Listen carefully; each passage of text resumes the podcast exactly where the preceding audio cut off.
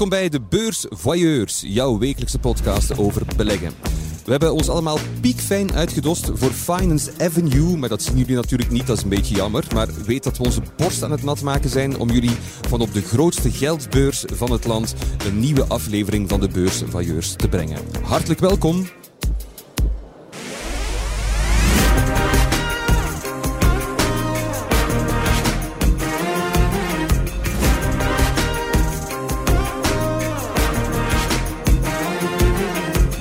Mocht er een gouden elftal qua beleggen bestaan, zouden deze twee toppers zeker niet teleurstellen. Elle Vermorgen van de Tijd en Gert Bakeland van de Belegger. Dag allebei. Hey, dag Thomas. Drukke dag voor jullie, denk ik, hè? Ja, een absolute hoogdag. Hè. Ik vind uh, ja, dat is een van de plezantste dagen van het jaar om hier met uw, uw lezers en met uh, medebeleggers uh, kennis te maken hier op Finance Avenue. Dus, ja. Ik heb net een sessie met jongeren achter de rug en het was, het was vol huis. Hè. Fantastisch. Je ziet er ook tien jaar jonger uit, plots. dankjewel. Nog, nog jonger. Ja. Wij leven helemaal op als wij zo een keer buiten mogen. Ja. Heerlijk. In onze centrale stoel vandaag een man die met de tijd regelmatig zijn inzichten deelt. Consulent bij onder andere VFB, de Vlaamse Vereniging voor Beleggers, Euroinvest Partners en Keytrade Bank. 34 jaar beleggerservaring op de teller en ongetwijfeld evenveel straffe beursverhalen. Welkom Gert de Mezuren. Dankjewel. Hoe gaat het? Heel goed, hè. zoals Ellen uh, zei. Als je mag buiten komen, dan ben je altijd tevreden natuurlijk. Dus, uh... Heel fijn dat je er bent. Je gaat al een tijdje mee. Dat is uh, bijzonder op zich. We kunnen ongetwijfeld allemaal veel van je te weten komen vandaag. En daarom ben je ook hier. Heel fijn. Zelfs een boek heb je ook al uitgebracht met de ronkende titel GVV's van A tot X. Ik vond dat een fijne vondst, die A tot X. Want mensen die de vastgoedsector volgen weten dat het ophoudt bij Xior. Er is geen I en Z vooralsnog. Hè. Misschien ooit wel. Dus ik vond dat een... Ik hou van puns. Hè. Mensen die, die mijn uh, dingen lezen. Ik hou van woordgrapjes. En ik vond dat een hele fijne. Van A tot X, dan weet je meteen... Ja, het gaat tot, uh, van Ascensio tot Xior. Uh, of ik weet niet wat... Edif Edifica, Edifica, is Edifica is in het alfabet de eerste. Dus ik vond het een heel mooie vondst. GVV's, gereglementeerde vastgoedvernootschappen. Dat zijn je stokpaardje, Gert. Misschien kom je er ook nog wel op terug. Maar ja, is België op dat vlak een beetje zoals in het voetbal over zijn hoogtepunt heen? Ja en nee. Uh, over dat voetbal, ja, nee. Nee, over de GVV's. Het feit is, uh, ik heb het even nagekeken, dus 2022 was dat sinds 1990 het tweede slechtste beursjaar voor Europese vastgoedaandelen. He, dus het slechtste jaar was natuurlijk 2008. Hè. Dus uh, oké, okay, min 42 voor 2008. Nu zitten we op min 40, dus het kan nog slechter. Maar ja, kijk gewoon naar de rente-evolutie. En uh, ik denk ook heel wat, hè, er wordt gesproken van de jongeren, maar heel wat van de jongeren zijn op de beurs beginnen beleggen in een omgeving van negatieve rente. Ja, sorry, maar dat feestje is gedaan. Dus we gaan naar ja, normale rentevoet. Allee, wat voor ons betreft, hè, die oudere uh, omgeving van uh, positieve uh, rente. En iedereen zal zich moeten aanpassen, ook de, de GVV's bijvoorbeeld. Hè. Dus okay, ik zie daar niet direct grote problemen naar hun resultaten, maar ze gaan zich toch wel moeten aanpassen uh, aan die hogere rentekosten. Oké okay, Gert, uh, iets persoonlijker. Wanneer is die beursdrang bij jou gekomen? Kom je uit een financieel nest? Nee, uh, mijn ouders waren zelfstandigen, ja, bakkers hè, zeker. Hè. Nee, en dan mocht ik thuis beleggen in euro-obligaties. Dat was toen de periode dat de rentevoeten nog aantrekkelijk waren. En dan op een bepaald ogenblik zei de bankier, ja maar Gert, zou je niet ook op de beurs al die aandelen beginnen kopen? En dat was de periode, midden jaren 80, van uh, de wet Monorie de Klerk. En dan kocht je dus op maandag en twee weken later had je 20% winst. En dan dacht je van, ik ben niet goed bezig. Ja. Maar oké, okay, het was door het fiscale voordeel dat iedereen aandelen kocht. Maar het is wel een, een leuke periode om, uh, om mee te starten. En zo rolt die bal verder. Hè. Dus op de universiteit zat ik ook in de toegepaste economie richting financiënwezen. Uh, ik ben dan begonnen bij een generale bank in het agentschap en zat ik aan het effectenloket, maar oké, in feite wist ik nog niet uh, veel, of dat was van op, van op afstand. Het ging dan ook om beleggingsfondsen in de eerste fase. Dus ik heb heel de evolutie meegemaakt, ook een tijd in de Japanse bank gezeten in een dealing room. Hè, en dan nadien de aandelenwereld ingerold in 91 via bankdelen. En ja, alles wat aandelen betreft, dus dat is niet gestopt. Heb je de beurscrash van oktober 87 nog meegemaakt, live? live in feite niet. Ik zat in die tijd in het leger. Hè, dus ik ging afzwaaien eind oktober. Maar ik kon dan rond de 19e oktober gaan solliciteren bij Merrill Lynch in Luxemburg. Dus ik heb dan zwaar ambras moeten maken. Ik zat in een gevechtseenheid, dus uh, panzerinfanterie. Dus je kon wel uh, vechten natuurlijk? Ik kon vechten, ja, maar wij, wij, hadden toen paleizenwacht. Ik kon normaal geen uh, vakantie of verlof krijgen. En ik zeg van, ja, maar Merlintje Luxemburg als eh, snotaap, dat vond ik wel toch fantastisch. Allee, ik heb toch dat verlof gekregen. Ik ben de vrijdag de 16e oktober 87 naar Luxemburg gegaan. Ik kwam daar buiten. Voor mij was het uh, makkie alles in de chacoche. Maar dan nadien heb ik van die mannen niks meer gehoord. Dan zeg ik van, hé, wat is dat hier nu, die nozelaars? Maar in feite... Je weet waarom. 19 oktober 87, boom, patat, die maandag. Dus, om een lang verhaal kort te maken, ik zat nog niet in die beurswereld, maar ik had al wel last van een crash.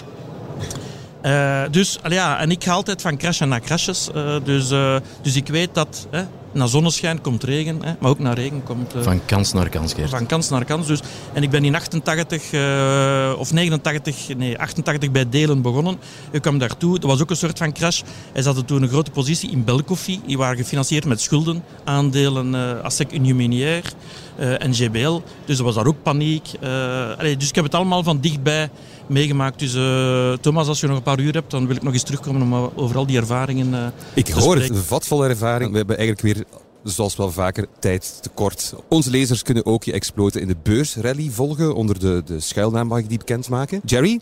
Of Gerry? Ik amuseer me, ik vind het leuk. Uh, het is belangrijk dat iedereen natuurlijk uh, op die manier een ervaring aandoet. Maar het is natuurlijk wel niet de echte hè, beurswereld. Hè. Dus, klein voorbeeldje. Gisterenmorgen was er een, een ratingverhoging van Ageas. Ik zeg, oh, ik, ga, ik, ga, dat gewoon kopen. De hele dag blijft die koers daar hangen rond 39,5. Ik zeg, oh, oké, ik was dan een aantal boodschappen gaan doen met mijn vrouw. Ik kom terug. Ageas sluit op plus 4,5. Dus Gert, goed bezig zou ik zeggen. Maar oké, dat is een beetje geluk hebben. Hè. Dus dat geef ik... Uh, Toe. Maar je bent tevreden met je rendement tot dusver? Nee, ik ben niet tevreden. Dus ik heb een aantal aandelen gekocht van uh, allee, een aantal aandelen die achterblijven. Ik heb hier net een aantal CEO's aangesproken van te zeggen van jongens, dat kan hier dus niet zijn. Dus Michel van Geiten van uh, Nextensa gaat dus zien achter zijn bril, dat oog ziet een klein beetje blauw. Morgen wordt dat erger. Dus en de, er zijn er nog zo'n paar waar ik een eitje of zelfs een omelet mee te pellen heb. Uh... Okay, Goed, we komen de, de andere beleggingen die op je radar staan sowieso ook nog te weten, Gert. Dat wordt allemaal duidelijk. Eerst even terugblikken met jullie op de voorbije week. De beursblik. Ellen, vertel me, ik ben een en al oor. Wat bracht je voor ons mee vandaag? Wel ja, ik heb een, eh, een kapitaalverhoging mee die vorige week eh, fel over de tongen is gegaan. En die eigenlijk, uh, ja niet uh, supermooi is verlopen, vind ik zelf. En dat is uh, de KV van Biocartis uh, geweest vorige week. ik denk dat het een week geweest is die, die erg extreem is geweest in de biotechsector. Die sector is van nature erg binair. Je, slaat, je slaagt erin of je faalt. Het is een, een binaire sector. En vorige week hebben we dat in extremis, echt in een extreme mate gezien. Um, we hadden Biogen, een schitterende doorbraak rond Alzheimer-onderzoek. Een van de moeilijkste ziekten om te doorgronden, omdat je door een bloed-hersenbarrière heen moeten. Een Chinese muur in ieder lichaam.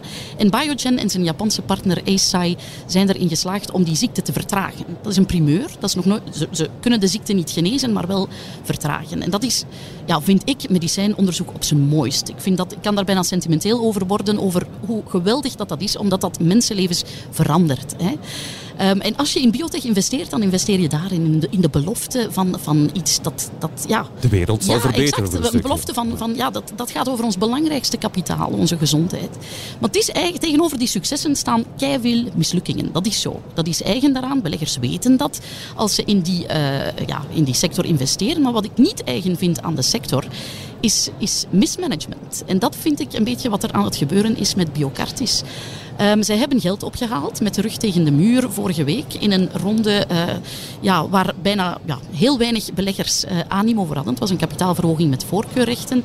Um, wat bleek, slechts 55 uh, procent heeft ingetekend. Het is een laag percentage. Um, zij hebben dan de resterende rechten moeten veilen, gratis ergens moeten plaatsen. En zij hebben twee partijen aan boord moeten nemen uh, die bij mij eigenlijk een spontane schrikreactie uitlokken. Namelijk twee hefboomfondsen. Die heten Whitebox en Highbridge. En die mannen zie je circuleren, een beetje aasgieren, die circuleren rond bedrijven in moeilijkheden. Ook bij Mitra uh, zijn zij houders van de obligatie, van een converteerbare obligatie. Ook bij Biocartis hadden zij eerder al uh, hun convertible bond gekocht. En dat zijn mannen die eigenlijk baat hebben het is een beetje technisch, maar ze combineren een strategie waarbij ze shortcellen op het aandeel. Dus ze nemen shortposities in het aandeel en ze combineren dat met die convertible bond. Als je dat soort financiering als bedrijf aanvaardt, ja, dan sta je te- met je rug tegen de muur. Je zal maar ingetekend hebben op die kapitaalverhoging, denk aan 75 of 74 cent is die gebeurd. De koers gisteren is gesloten op nog 60 cent of zoiets. Hè. Oei. Dus zelfs al heb je ingetekend, je zit al nu alweer op 16 procent Maar verlies. ik, heb ook een aantal presentaties meegedaan als moderator voor eh, Biocartis op VFB-events. en oké, ja, het lijkt... Nee, het, het gaat... Het is mooi, hè, dus een, een, een product met al die, die testen, maar... En dat was een vertraging door corona, omdat de hospitalen geen, geen budgetten hadden en zo. Maar en dan, toen hadden ze al gezegd, verleden jaar het jaar ervoor, kijk, we moeten eh, opletten met die lening, die moet eh, geherfinancierd worden. En dan weet je al, maar het is er niet direct uitgekomen. En de vraag is dan, dan ja, waar, ligt, waar liggen juist de problemen? Het is wel elke week iets met die biosector. Ellen heeft dat goed verwoord. Het is, het is binair. En, en vaak, het is erop of het is eronder. En als kleine belegger heb je er eigenlijk weinig zicht op. Het blijft toch een stukje eh, blackbox. En dan zeker met, met die kleinere start-up die nog alles te bewijzen hebben, hebben enorm veel geld nog te investeren. Inkomsten zijn er nog niet. En dan is het belang van die balans, een gezonde balans, een grote cashpositie, is zo, zo belangrijk. En als je moet gaan bedelen met een kapitaalverhoging, ja, dan weet je dat je aan de verkeerde kant van die onderhandelingstafel staat. En dat je eigenlijk, ja... eh, maar, anders maar dan kan Gerald kan zijn. Voilà, maar kan je successen opbouwen, en dat is ook een proces natuurlijk, en als belegger in, in biotech weet je dat ook wel, dan, dan drijf je niet op resultaten, maar op tussentijdse successen. En dan zie je die aandelenkoers stijgen. En dan zijn dat de momenten waarop je als, als bedrijf eigenlijk tot een kapitaalverhoging moet, moet overgaan, zoals Argenix dat bijvoorbeeld Ja, altijd wel ja. gedaan heeft. Hè. En dus ja, altijd die financiële ruimte heeft behouden om zaken eh, gunstig te laten evalueren. Ja, en het is de kleine belegger die vanaf de meet mee staat te supporteren. Hè. Dat is het, Die, die, vanaf de meet... de- allee, als we die Argenixen van de toekomst willen, die biogens, dan mag je als bedrijf ook niet die kleine belegger meesleuren in een kapitaalverhoging die eigenlijk bedriegt een boel is. Een Dat is niet beetje, zo netjes. hè. Ja, voor mij ja. niet. Ik ben nu heel hard in mentaal, omdat ik vind het een zware kater. Ik, ik, eh, ja. Andere Gert, Gert de Mesure, onze gast vandaag. Wat denk jij hierover? Nee, ik bekijk het anders. Want Biocartis die huurt kantoren van Intervest Offices en warehouses. Snapt u? Dus als er een probleem is met Die ook een Biocartis... kapitaalverhoging hebben Ja, gedaan. ja, maar hè. dat was wel hè, minder met de rug tegen de, Ja, de ja, muur. Dat is stevig voor, voor de maar groei. daar kunnen we Hè, maar kijk, Galapagos eh, was vroeger huurde heel veel eh, labo's of kantoren daar in, eh, in, in Mechelen. Ze hebben een deel dan eh, afgestoten. Oké, Biocartis heeft die overgenomen. Dat zijn geïnstalleerde labo's. De vraag is, is het product dan wel zo goed of wordt het slecht verkocht? En dus daar zou ik graag een, een, een, een antwoord hebben. Voor de rest steek ik mijn witte vlag omhoog. Uitstekend, dat mag ook af en toe. Gert, ik ben benieuwd wat jij hebt meegebracht vandaag. Eh, als we terugblikken naar 2022, het is zo het jaar waar de big eh, eigenlijk toch wel wat van zijn pluimen verloren heeft. Hè. En er is een hoofd van, eh, van Goldman Sachs, van, van het aandelenteam, die zei van kijk, we hebben daar een soort van die rating gezien. Moet niet vergeten dat de, de grote vier die hij noemt, dus Apple, Amazon, Alphabet en Microsoft, dat die tot 3000 miljard dollar aan beurs waren op een gegeven moment hebben verloren. Dus dat gaat om veel geld. En hij zegt van, kijk, zegt hem van, die, die rating ten opzichte van de rest van de markt, hè, vooruitblikkend naar 2023, verwacht die persoon dat dat, dat eigenlijk nog een vervolg gaat krijgen. Hè. Het wordt niet beter. Ehm, hij zegt, kijk, zegt hem van, we hebben een fantastische, ongelooflijke groei gehad van 2010 tot 2021. Voor die vier, hè, dat kwartet van aandelen, bedrijven een gemiddeld jaarlijkse omzetgroei van 18 procent. Dat is, dat is onvoorstelbaar. Nu, de periode 2021-2024 gaat die groei, die groei gaat er zijn, maar die gaat alweer naar 9 procent. En dan gaat hij dat vergelijken met, met de groei van die andere 496 bedrijven in die S&P 500. hè, 500 bedrijven. En dan zegt hij van, kijk, voor die ander is het 7%. Dus die kloof, 9%, 7% omzetgroei, ja, die wordt toch wel klein. En ja, als we dan naar de waardering gaan kijken, en dan pakt er wel een heel speciale uit, moet ik zeggen. Dus dat pakt de ondernemerswaarde, dus de beurskapitalisatie plus de schulden of, of min de netto kaspositie. Hij vergelijkt dat met de omzet. En dan zegt hij van, kijk, eh, mensen betalen vier keer die omzet voor dat kwartet. En voor die andere 496 is dat maar twee. Is dat de helft. En dan zegt hij van, kijk, dat verschil, dat ver- die waarderingskloof die is nog te groot. Ik zie die verder verkleinen naar 2023. Dus kijk toch maar vooral naar die 496 andere. Nu natuurlijk, ik moet wel een beetje kritiek geven. Omzet is niet alles en is zelfs heel weinig. Het is natuurlijk welke winstmarges halen erop. Dus, maar toch, er is toch wel iets van te zeggen dat die D-rating van die big cap dat dat waarschijnlijk misschien inderdaad niet zal stoppen bij een jaareinde en misschien nog een stukje kan doorlopen. Dat kan wel. Hè. Dus ik volg helemaal niets in Europa. Dus, eh, en als ik een bedrijf koop, dan heb ik daar graag wel contact mee gehad. Dus ik was afgelopen week op, eh, in Duitsland op het Eigenkapitaalforum van, van, van eh, Deutsche Börse. Dat is elk jaar drie dagen. Ik was er één dag. Ik heb op die dag 10, 11 bedrijven gezien. Volgende week ga ik naar Londen, naar een vastgoedconferentie. Ik ga er acht zien.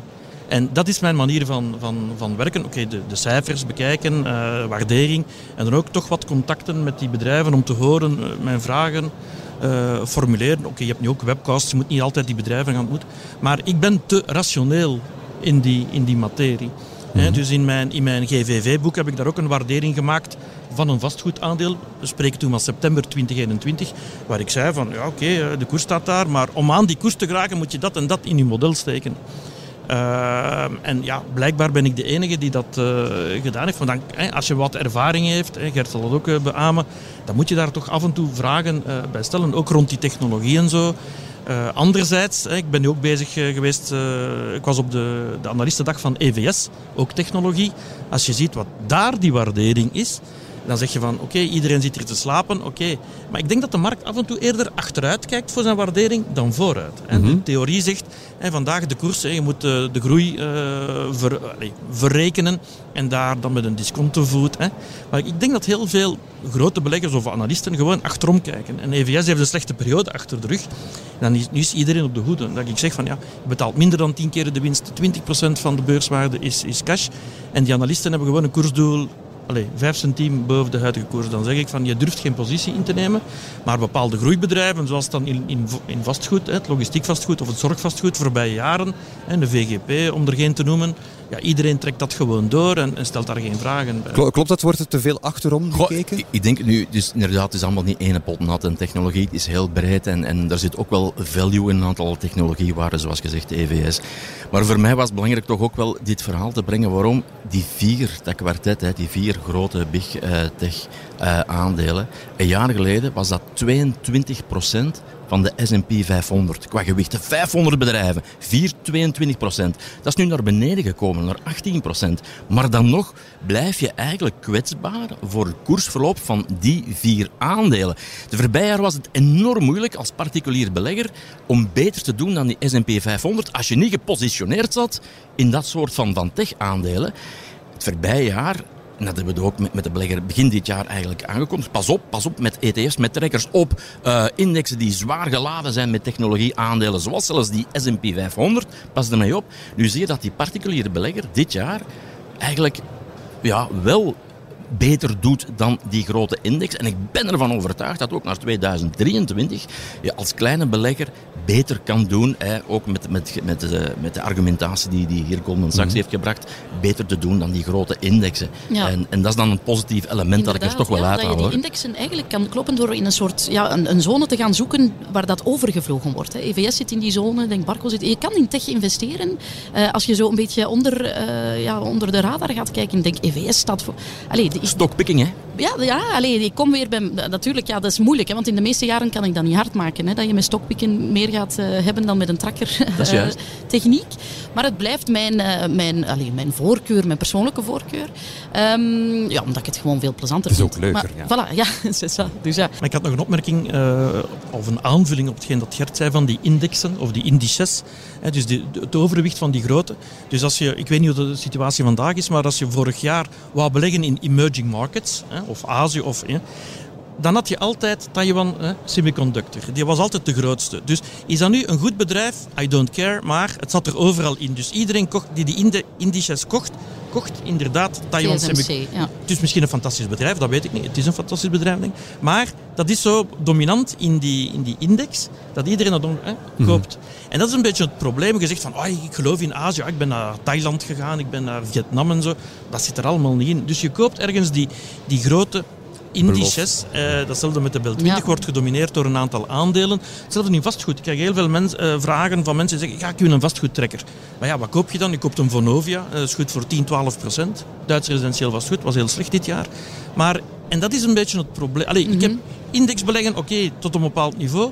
Maar als met die index altijd dezelfde aandelen gekocht worden, dan krijg je daar een, een bubbel op zich. Ja. En dat is toch wel een gevaar als de markt dan begint te keren. Gert de Mesure, over naar jou. Wat wil jij graag met ons bespreken? Dus het vastgoed heeft een heel slecht jaar achter de rug. En dat moet toch wel frustrerend zijn voor heel veel mensen. Dus want waarom hebben ze vastgoed gekocht? Ah ja, de huurindexering, het is stabiel, mooi dividend en, en, en dit en dat allemaal. Maar je zit wel op een verlies van 40%. Dat is toch wel vervelend natuurlijk. Ja. Voor iets dat je zegt van, dit is defensief. Maar ik heb ook in mijn boek meerdere keren aangehaald, ik heb dat in 2017 gedaan. Let op, er is toch wel een bepaalde correlatie tussen de beurzen en de vastgoedaandelen enerzijds. En anderzijds de inverse lange termijnrente en die vastgoedaandelen. En eh, veel mensen hebben gezegd van, ja, maar I don't care, want ze zijn ingedekt tegen de stijgende rente en de huurindexering. Ja, maar ondertussen hè, heb je toch wel die 40%. En dat is het probleem, ah, het probleem, dat is de zwakte van eh, vastgoed. Als vastgoed op de beurs staat, dan trekken ze een aandelenjasje aan. En dan gaan ze in de, min of meer een deel van die, die, de eigenschappen van de beurs overnemen. Dat is volatiliteit. En dus vastgoed op de beurs heeft als voordeel liquiditeit. Ik kan vandaag Edifica kopen, kan het morgen verkopen. Dat moet je niet proberen met een appartement of, of met iets anders. Maar je hebt daar een, een aantal andere problemen. En omdat we nu vooral die negatieve rente eh, gezien hebben, die de markt gedomineerd heeft, of constant die lagere financieringskosten, ja, we gaan dus naar een minder gemakkelijke omgeving. Er gaat dus iets meer moeten gerekend worden. En die hoge waarderingen zijn er al voor een deel uit, omdat hè, men ging uit van groei. Hè, dus je, financiert je aan eh 1,5, je koopt aan eh, 5, 6 procent. Up, verschil steek je op zak, geeft wat nieuwe aandelen uit, relatief hoog. Hè, de schuld eh, kost blijft dalen. De banken staan daar klaar om nog meer te, te lenen. Maar ik zeg, ik zeg het nogmaals, het wordt allemaal een beetje moeilijk. Ik heb niet gezegd met alles buiten. Nee, maar ik vraag me wel af, als, als je dan toch voor zekerheid wil gaan in, in wankele tijden, moet je dan in vastgoed aandelen beleggen of, of moet je in vastgoed investeren? Ik, zou, allee, ja, ik heb zelf wat, wat vastgoed, maar vandaag ga ik niet kopen. Als je dat moet doen, dan 3,5, 4 procent. Ja. Eh, maar bijvoorbeeld, om een, allee, gewoon iets kort mee te geven. Winkelvastgoed staat 10 maal het courant resultaat en je hebt een dividendrendement bruto van 7, 8 procent. Als je dat koopt, niet voor heel je eh, portefeuille, hè, maar dan, dan zit je daar al goed mee. Eh, bij de voorbereiding was er ook sprake van welke aandelen heb je recent of welke verrichtingen heb je gedaan eh, in je beleggingsportefeuille. Dat was een beetje EVS voor die analistenpresentatie. Maar ik heb ook obligaties gekocht. En dat is waarschijnlijk, ja, aan deze tafel is de voorbije maanden nog niet veel gezegd geweest van, Jawel van obligaties. ja, ja, ja, ja, ja. Maar het, het moet meer en meer. Het feit is, er ook bij de VFB in ons laatste maandblad aandacht eh, aan besteed. Als je vandaag 3,5, 4 procent netto kan krijgen, dat is goed voor de basis van je portefeuille. Dus voor een deel van die, die cash die je gehouden hebt op het spaarboekje de voorbije jaren, mag je een deel naar obligaties gaan. Ik heb niet gezegd dat je alles in obligaties moet steken, maar je koopt een obligatie met een looptijd van 6, 7 jaar en je leunt achterover. En daar heb je toch iets meer zonder veel risico als je een goede naam kiest. Ja. Maar toch, even concreet, Gert. Eh, ik heb gezien ook de voorbije jaren, waar, allee, daarvoor, een aantal jaren geleden, vastgoed steeg en steeg. En dat wij zo de reflex hadden van, oh, dat is duur. Maar duur werd nog duurder. En veel duurder. Dus je wist eigenlijk niet, waar pikt dat? En nu zitten we in, in die andere trend. Het daalt, het daalt en het daalt. En goedkoop of aantrekkelijk, ik zal het zo noemen, wordt nog aantrekkelijker. Heb jij een idee van, van hoe aantrekkelijker het nog kan worden? Want dat interesseert mij natuurlijk. Maar er zijn er, zoals ik zei, je hebt dan ook twee. Allee, ja, je moet gaan kijken bijvoorbeeld de Zweedse vastgoedgroepen. Hè. Die zijn op korte termijn gefinancierd. Omdat de Zweedse centrale bank rustig drukte, hè, bijdrukte in die tijd. Die mannen hebben een hoge schuldgraad. Als je daar ziet dat je, je schuld of je financiële kost van 1,2 naar 1,9 stijgt, dat is wel hevig. En die impact gaat nog steviger worden. Hè, dus je hebt een hoge schuldgraad. Hè, als, met die hoge, als die rendementen op vastgoed wat stijgen, hè, dan daalt de waarde van je vastgoed. Je schuldgraad gaat nog meer stijgen. Dus je moet hier en daar... Vroeger was het gewoon, koop vastgoed, je hangt je wagonnetje vast en je rijdt mee. Hè, en nu moet je echt gaan, gaan kijken. Eh, en de Belgen zijn in feite goed gepositioneerd. Als je ziet dat sommigen ingedekt zijn voor 6, 7 jaar. WDP is zelfs forward gehedged. Als ik, allee, ik weet niet of ik het juist uitspreek. Dus die hebben al de toekomstige financiering ingedekt. Dus die lenen nog aan anderhalf procent. Terwijl, ik heb net nog iemand gesproken van eh Cofinimo. Ja, die moeten zich gaan, nu gaan voor nieuwe projecten gaan financieren aan 3, 3,5. Maar als je vastgoedrendement maar op 4,5 zit, dan schiet daar niet veel over. Dus je moet daar meer gaan, gaan, gaan, gaan kijken. En ik heb ook een nieuwe functie als adviseur van een, uh, een vastgoed aandelen beleggingsfonds. Ja, we gaan er echt gaan kijken naar die hedging uh, en voor hoeveel jaren. Uh, en ook het, ja, type van vastgoed dat eventueel kwetsbaar is voor herwaarderingen. Jij maar... ziet niet Zweden als kanarie in de koolmijn, uh, Gert. Nee. Ja, je ziet daar huizenprijzen gecorrigeerd ja. met 14 procent. Wauw, ja, uh, doesn't bode well als dat overslaat naar, naar, naar hier. Of, of, ja. of, is die markt dermate anders? Qua... Maar je, hebt daar een, je spreekt van verschillende zaken. Hè. Dus ook de residentiële markt vandaag is niet die van de GVV's in feite. Ja, maar daar... dus, en in Zweden ook, je hebt die vastgoedprijzen residentieel, maar er staat heel weinig residentieel vastgoed op de beurs in, in, in, in Zweden.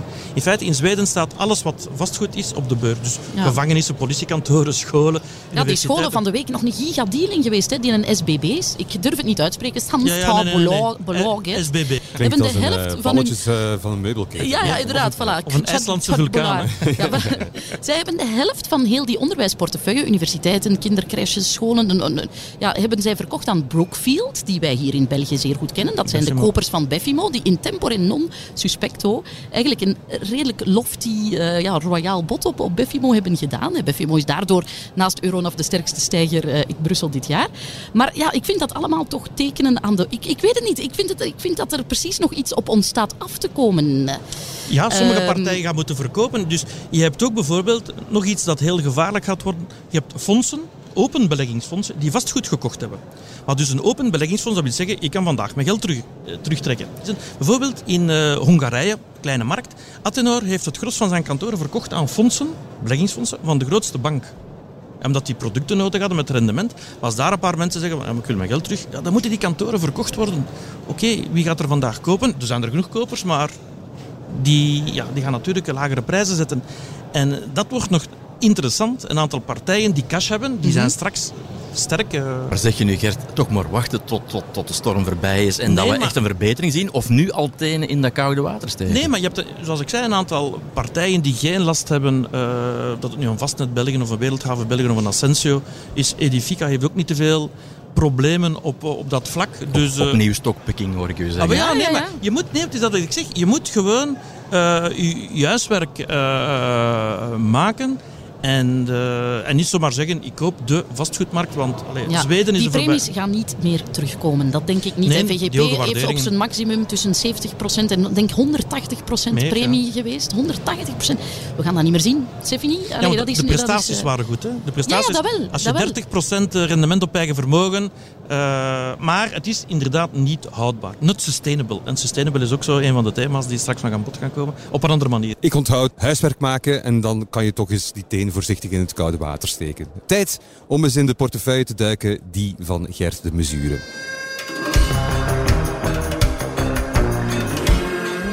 Show me the money. Heel eenvoudig. Uh, het gaat als volgt. Er zitten 20 vragen in Wanda verstopt. We vragen jou, Gert, om een cijfer van 1 tot en met 20 op te roepen. En dan komt daar gewoon een vraag uit, Wanda. 9. 9. Laten we eens luisteren. Over welk aandeel twijfel je vandaag het meest? Zeer goede vraag. En het antwoord is voor dadelijk. Na dit. Beleggingsspecialist Gert de Bezure is hier bij ons te gast vandaag op Finance Avenue.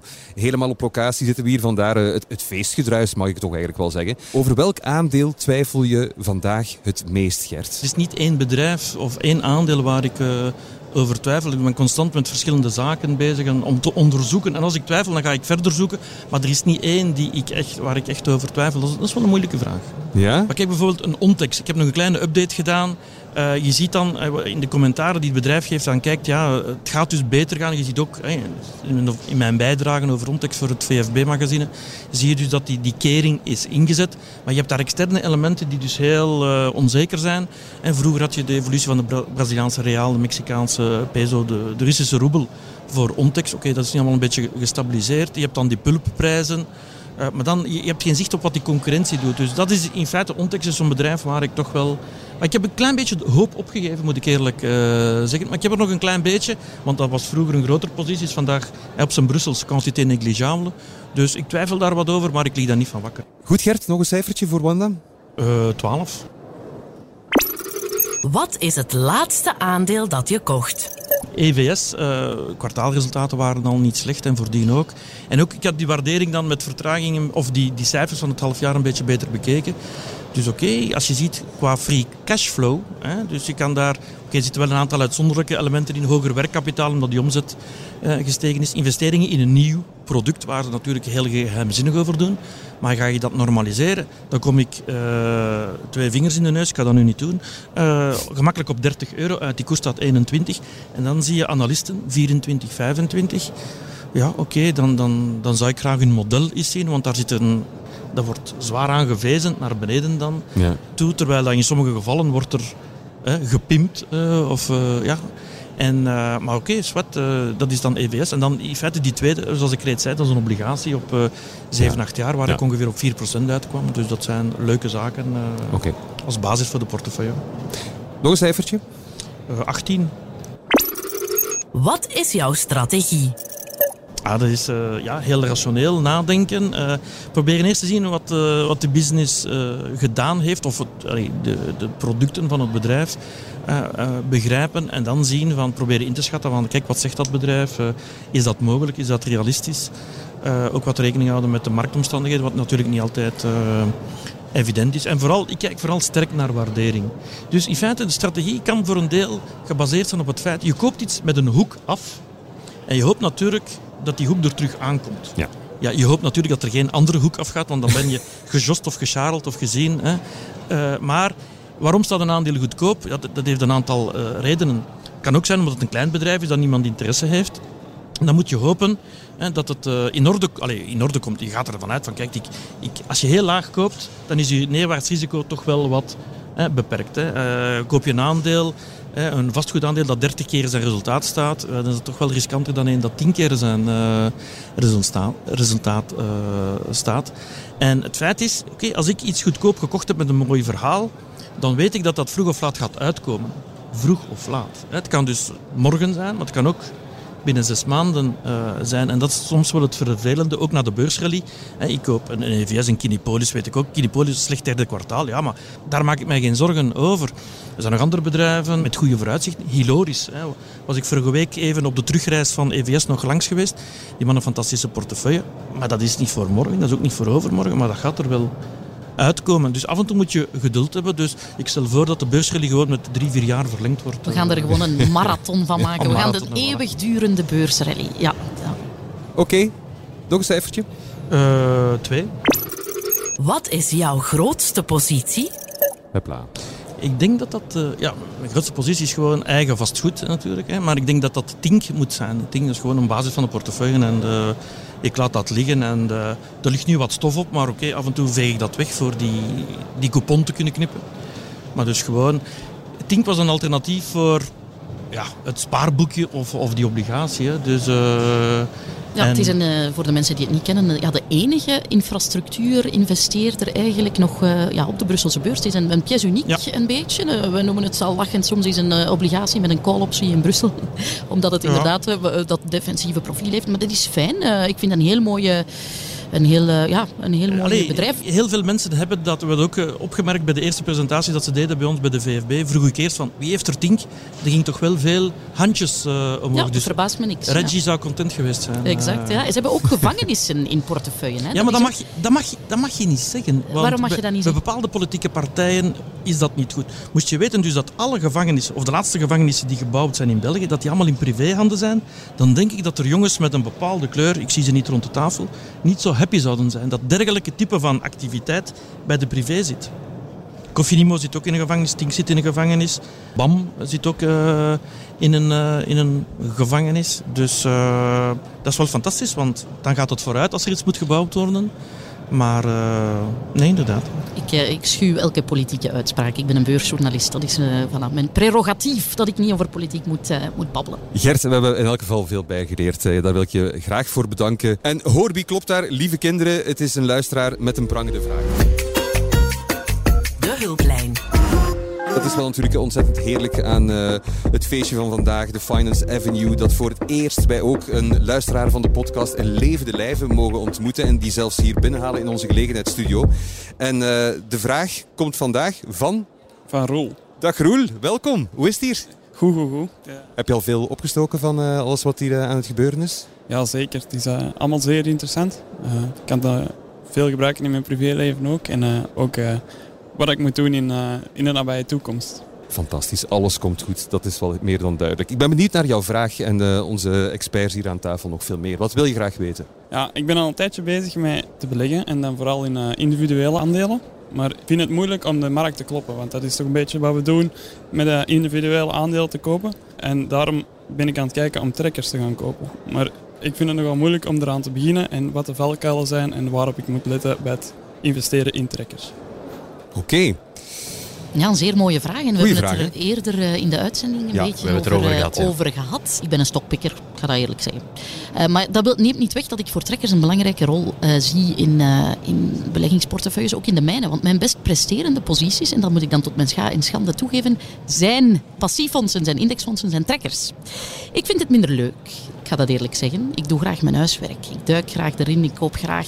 Ja, dat, ik vind dat plezanter. Hè, om, om individuele aandelen, om een stukje mede-eigenaar te zijn in een bedrijf. En echt mee te varen ehm, of te supporteren voor het, voor het welvaren van dat bedrijf.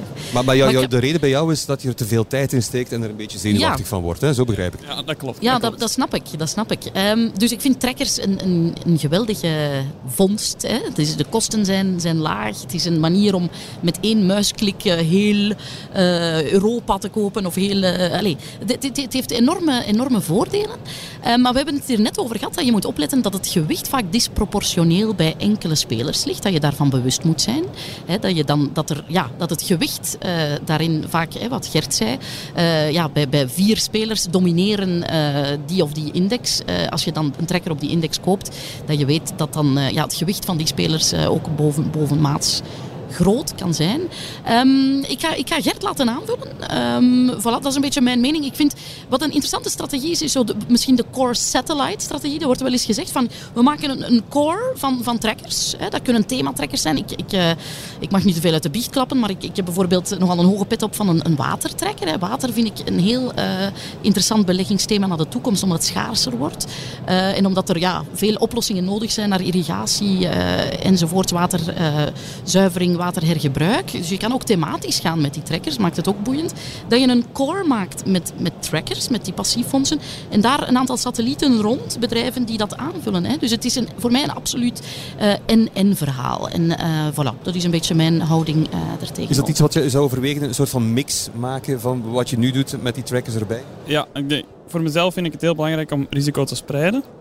En dan denk ik, eh, als ik dan enkel in water ga investeren, dat ik dan weer net geen risico ga verspreiden. Ja, ja, ja je, je zit, daar zit dan een veelheid van bedrijven in die in water actief zijn. Ja, dat, dat kan. hè. Ja, met een index ga je een automatisch bredere sectorspreiding hebben. Dat heb je niet met themafondsen. Eh allee, of thematrekkers. Ehm voilà, nee, dat is een beetje uitzoeken wat jouw jive eh, daarin is. Ehm, maar ik vind het een, een heel goed idee. Zeker, ja, veel indexen zijn fors teruggevallen. Dus je koopt al zeker niet op de piek van de markt. Dat is al dat. Ehm, dus ik vind het absoluut een, een, een hoeksteen van een goede beleggingsportefeuille. Absoluut. Gert, wat, wat wil jij deze jonge belegger Ja, eh, nee. nog meegeven? Ja, ik, ik vind het zeker nuttig, hè, trekkers, eh, voor aanvulling inderdaad in, in geheel gespecialiseerde thema's of, of, of eh, sectoren waar een hoog risico aan plakt ook, om dan op die manier te kunnen spreiden. Maar als je echt als basis wilt en je wilt er niet veel om omkijken, als je een trekker koopt, dan, dan koop je eigenlijk per definitie de intrinsieke waarde van het onderliggende. En er bestaat ook zoiets op de beurs, en zeker op de Brusselse beurs, dat je iets kan kopen, een groep van bedrijven, eh, niet noodzakelijk een index, maar toch een groep van bedrijven die je met korting kan kopen. En dan denk ik aan holdings. Dat holdings zeker ook een basis kunnen zijn voor een, voor een, voor een brede, voor elke portefeuille eigenlijk. En daar heb je ook die spreiding.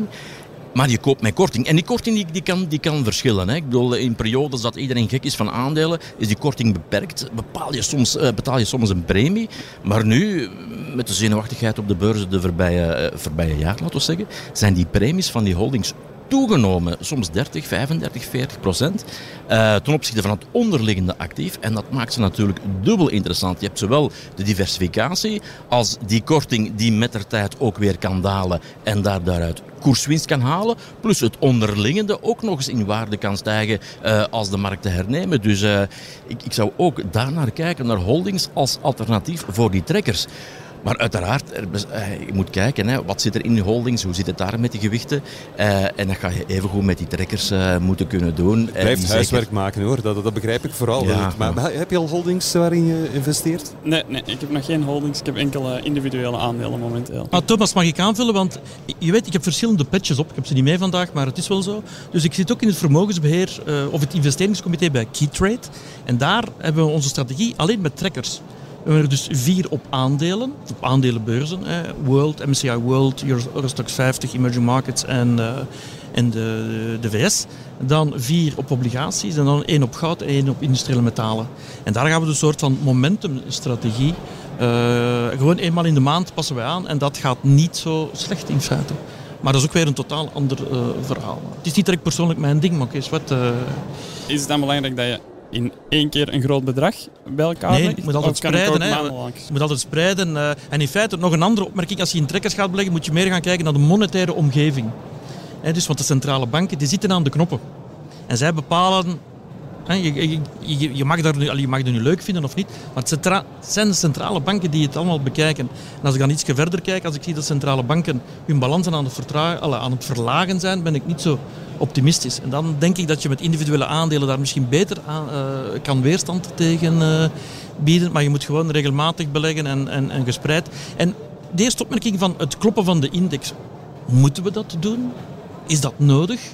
Ik denk dat je veel beter bent met een, ja, een rustige eh, prestatie. Bijvoorbeeld met die vastgoedaandelen. Als je 7, 8% bruto dividendrendement hebt, 10 keer het courant resultaat, en je koopt er nog goedkoop een EVS, dan ga je de markt niet kloppen.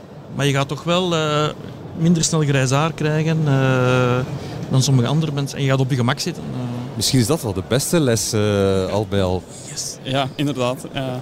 misschien moet ik mij daar ook maar eens de bedenking bij maken. Kijk naar mij, voor je het weet is je haar gewoon weg. Hè? Dus allemaal door beleggen. dat is nog erger. Dat is nog erger. ik hoop dat dat bij mij toch nog een paar jaar duurt. Roel, fijn om kennis te maken. Ik hoop dat je er iets aan hebt gehad. Ja, zeker en vast. Ik vond het interessante uitleg. Dank. Tot ziens. Blijven luisteren naar Roel. Bye bye. Dag Roel. De blik vooruit. Gert, behalve de geweldige dag die nog niet afgelopen is hier op Finance Avenue vandaag, waar kijk je volgende week naar uit?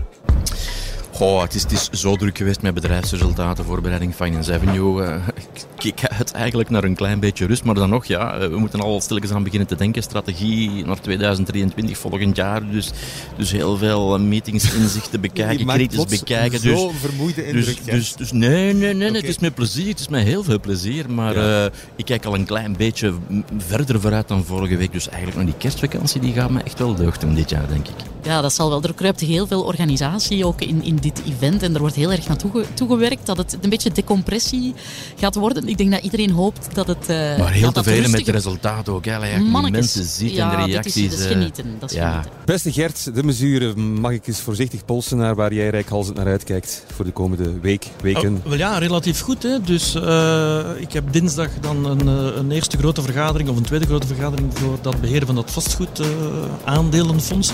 En woensdag vertrek ik naar Londen met de wagen. En donderdag neem ik daar deel aan een conferentie. Acht, negen bedrijven die zich presenteren. Toch ook wel, wel wat van de grotere van Europa. En dan uh, vrijdag en uh, zaterdag gaan we daar uh, met vrouw en dochter in de buurt in Londen, rond Londen, richting Oxford, wat, wat genieten. Ook, Christmas shopping. Ja, maar je moet mijn vrouw en dochter niet op ideeën brengen. Ja, te laat. Op Sinterklaas is het uh, een investeerdersdag bij Prozus, waar veel mensen uitkijken naar de strategie om die gigakorting. Je weet, Prozus heeft een gigantische korting op zijn netto actiefwaarde. De holding in Europa met de grootste uh, decote. En daar wordt uitgekeken naar uh, wat het management daar gaat voorstellen om dat verder weg te werken. Zij doen dat al via aandelen inkopen, een soort swap van aandelen waarmee zij die korting te lijf willen gaan. Er wordt uitgekeken naar hun strategie om op termijn, dat is toch de bedoeling, ook winstgevend te worden met hun uh, vele groeiparticipaties in, uh, ja, die voornamelijk gedomineerd blijven door het Chinese Tencent. En dat is voor mij op 6 december uh, een beetje waar ik naast... Niet wat er in jouw schoentje valt. Voilà, exactement. Hopelijk een Sinterklaas geschenkje. Goed, dit was het voor vandaag van op Finance Avenue. Ik kan nog wat snuisteren op de verschillende standjes, denk ik. Eh, bedankt aan onze voyeurs van dienst, Ellen Vermorgen, Gert Bakelands en natuurlijk ook onze bekende voyeur Gert de Mesure. Volgende week donderdag zijn we terug op post, zoals gewoonlijk, met een nieuwe beursvoyeurs en een gast die nog niet al te veel kwijt wou, behalve dit. Graag tot volgende week. Hallo, beursvoyeurs. Ja, ik heb eigenlijk echt geen tijd om af te komen. Hè. Ik zit volop in de afwerking van mijn nieuwe film. Ik zit in montagekot elke dag 12 uur. Maar voor mijn favoriete beleggingspodcast maak ik met veel plezier een uitzondering. Allee, tot volgende week hè. Dag! Dit was de Beursvoyeurs. Presentatie door Thomas de Soete, productie door Anne-Sophie Moerman. Mis het beursnieuws niet op tijd.be. Graag tot volgende week.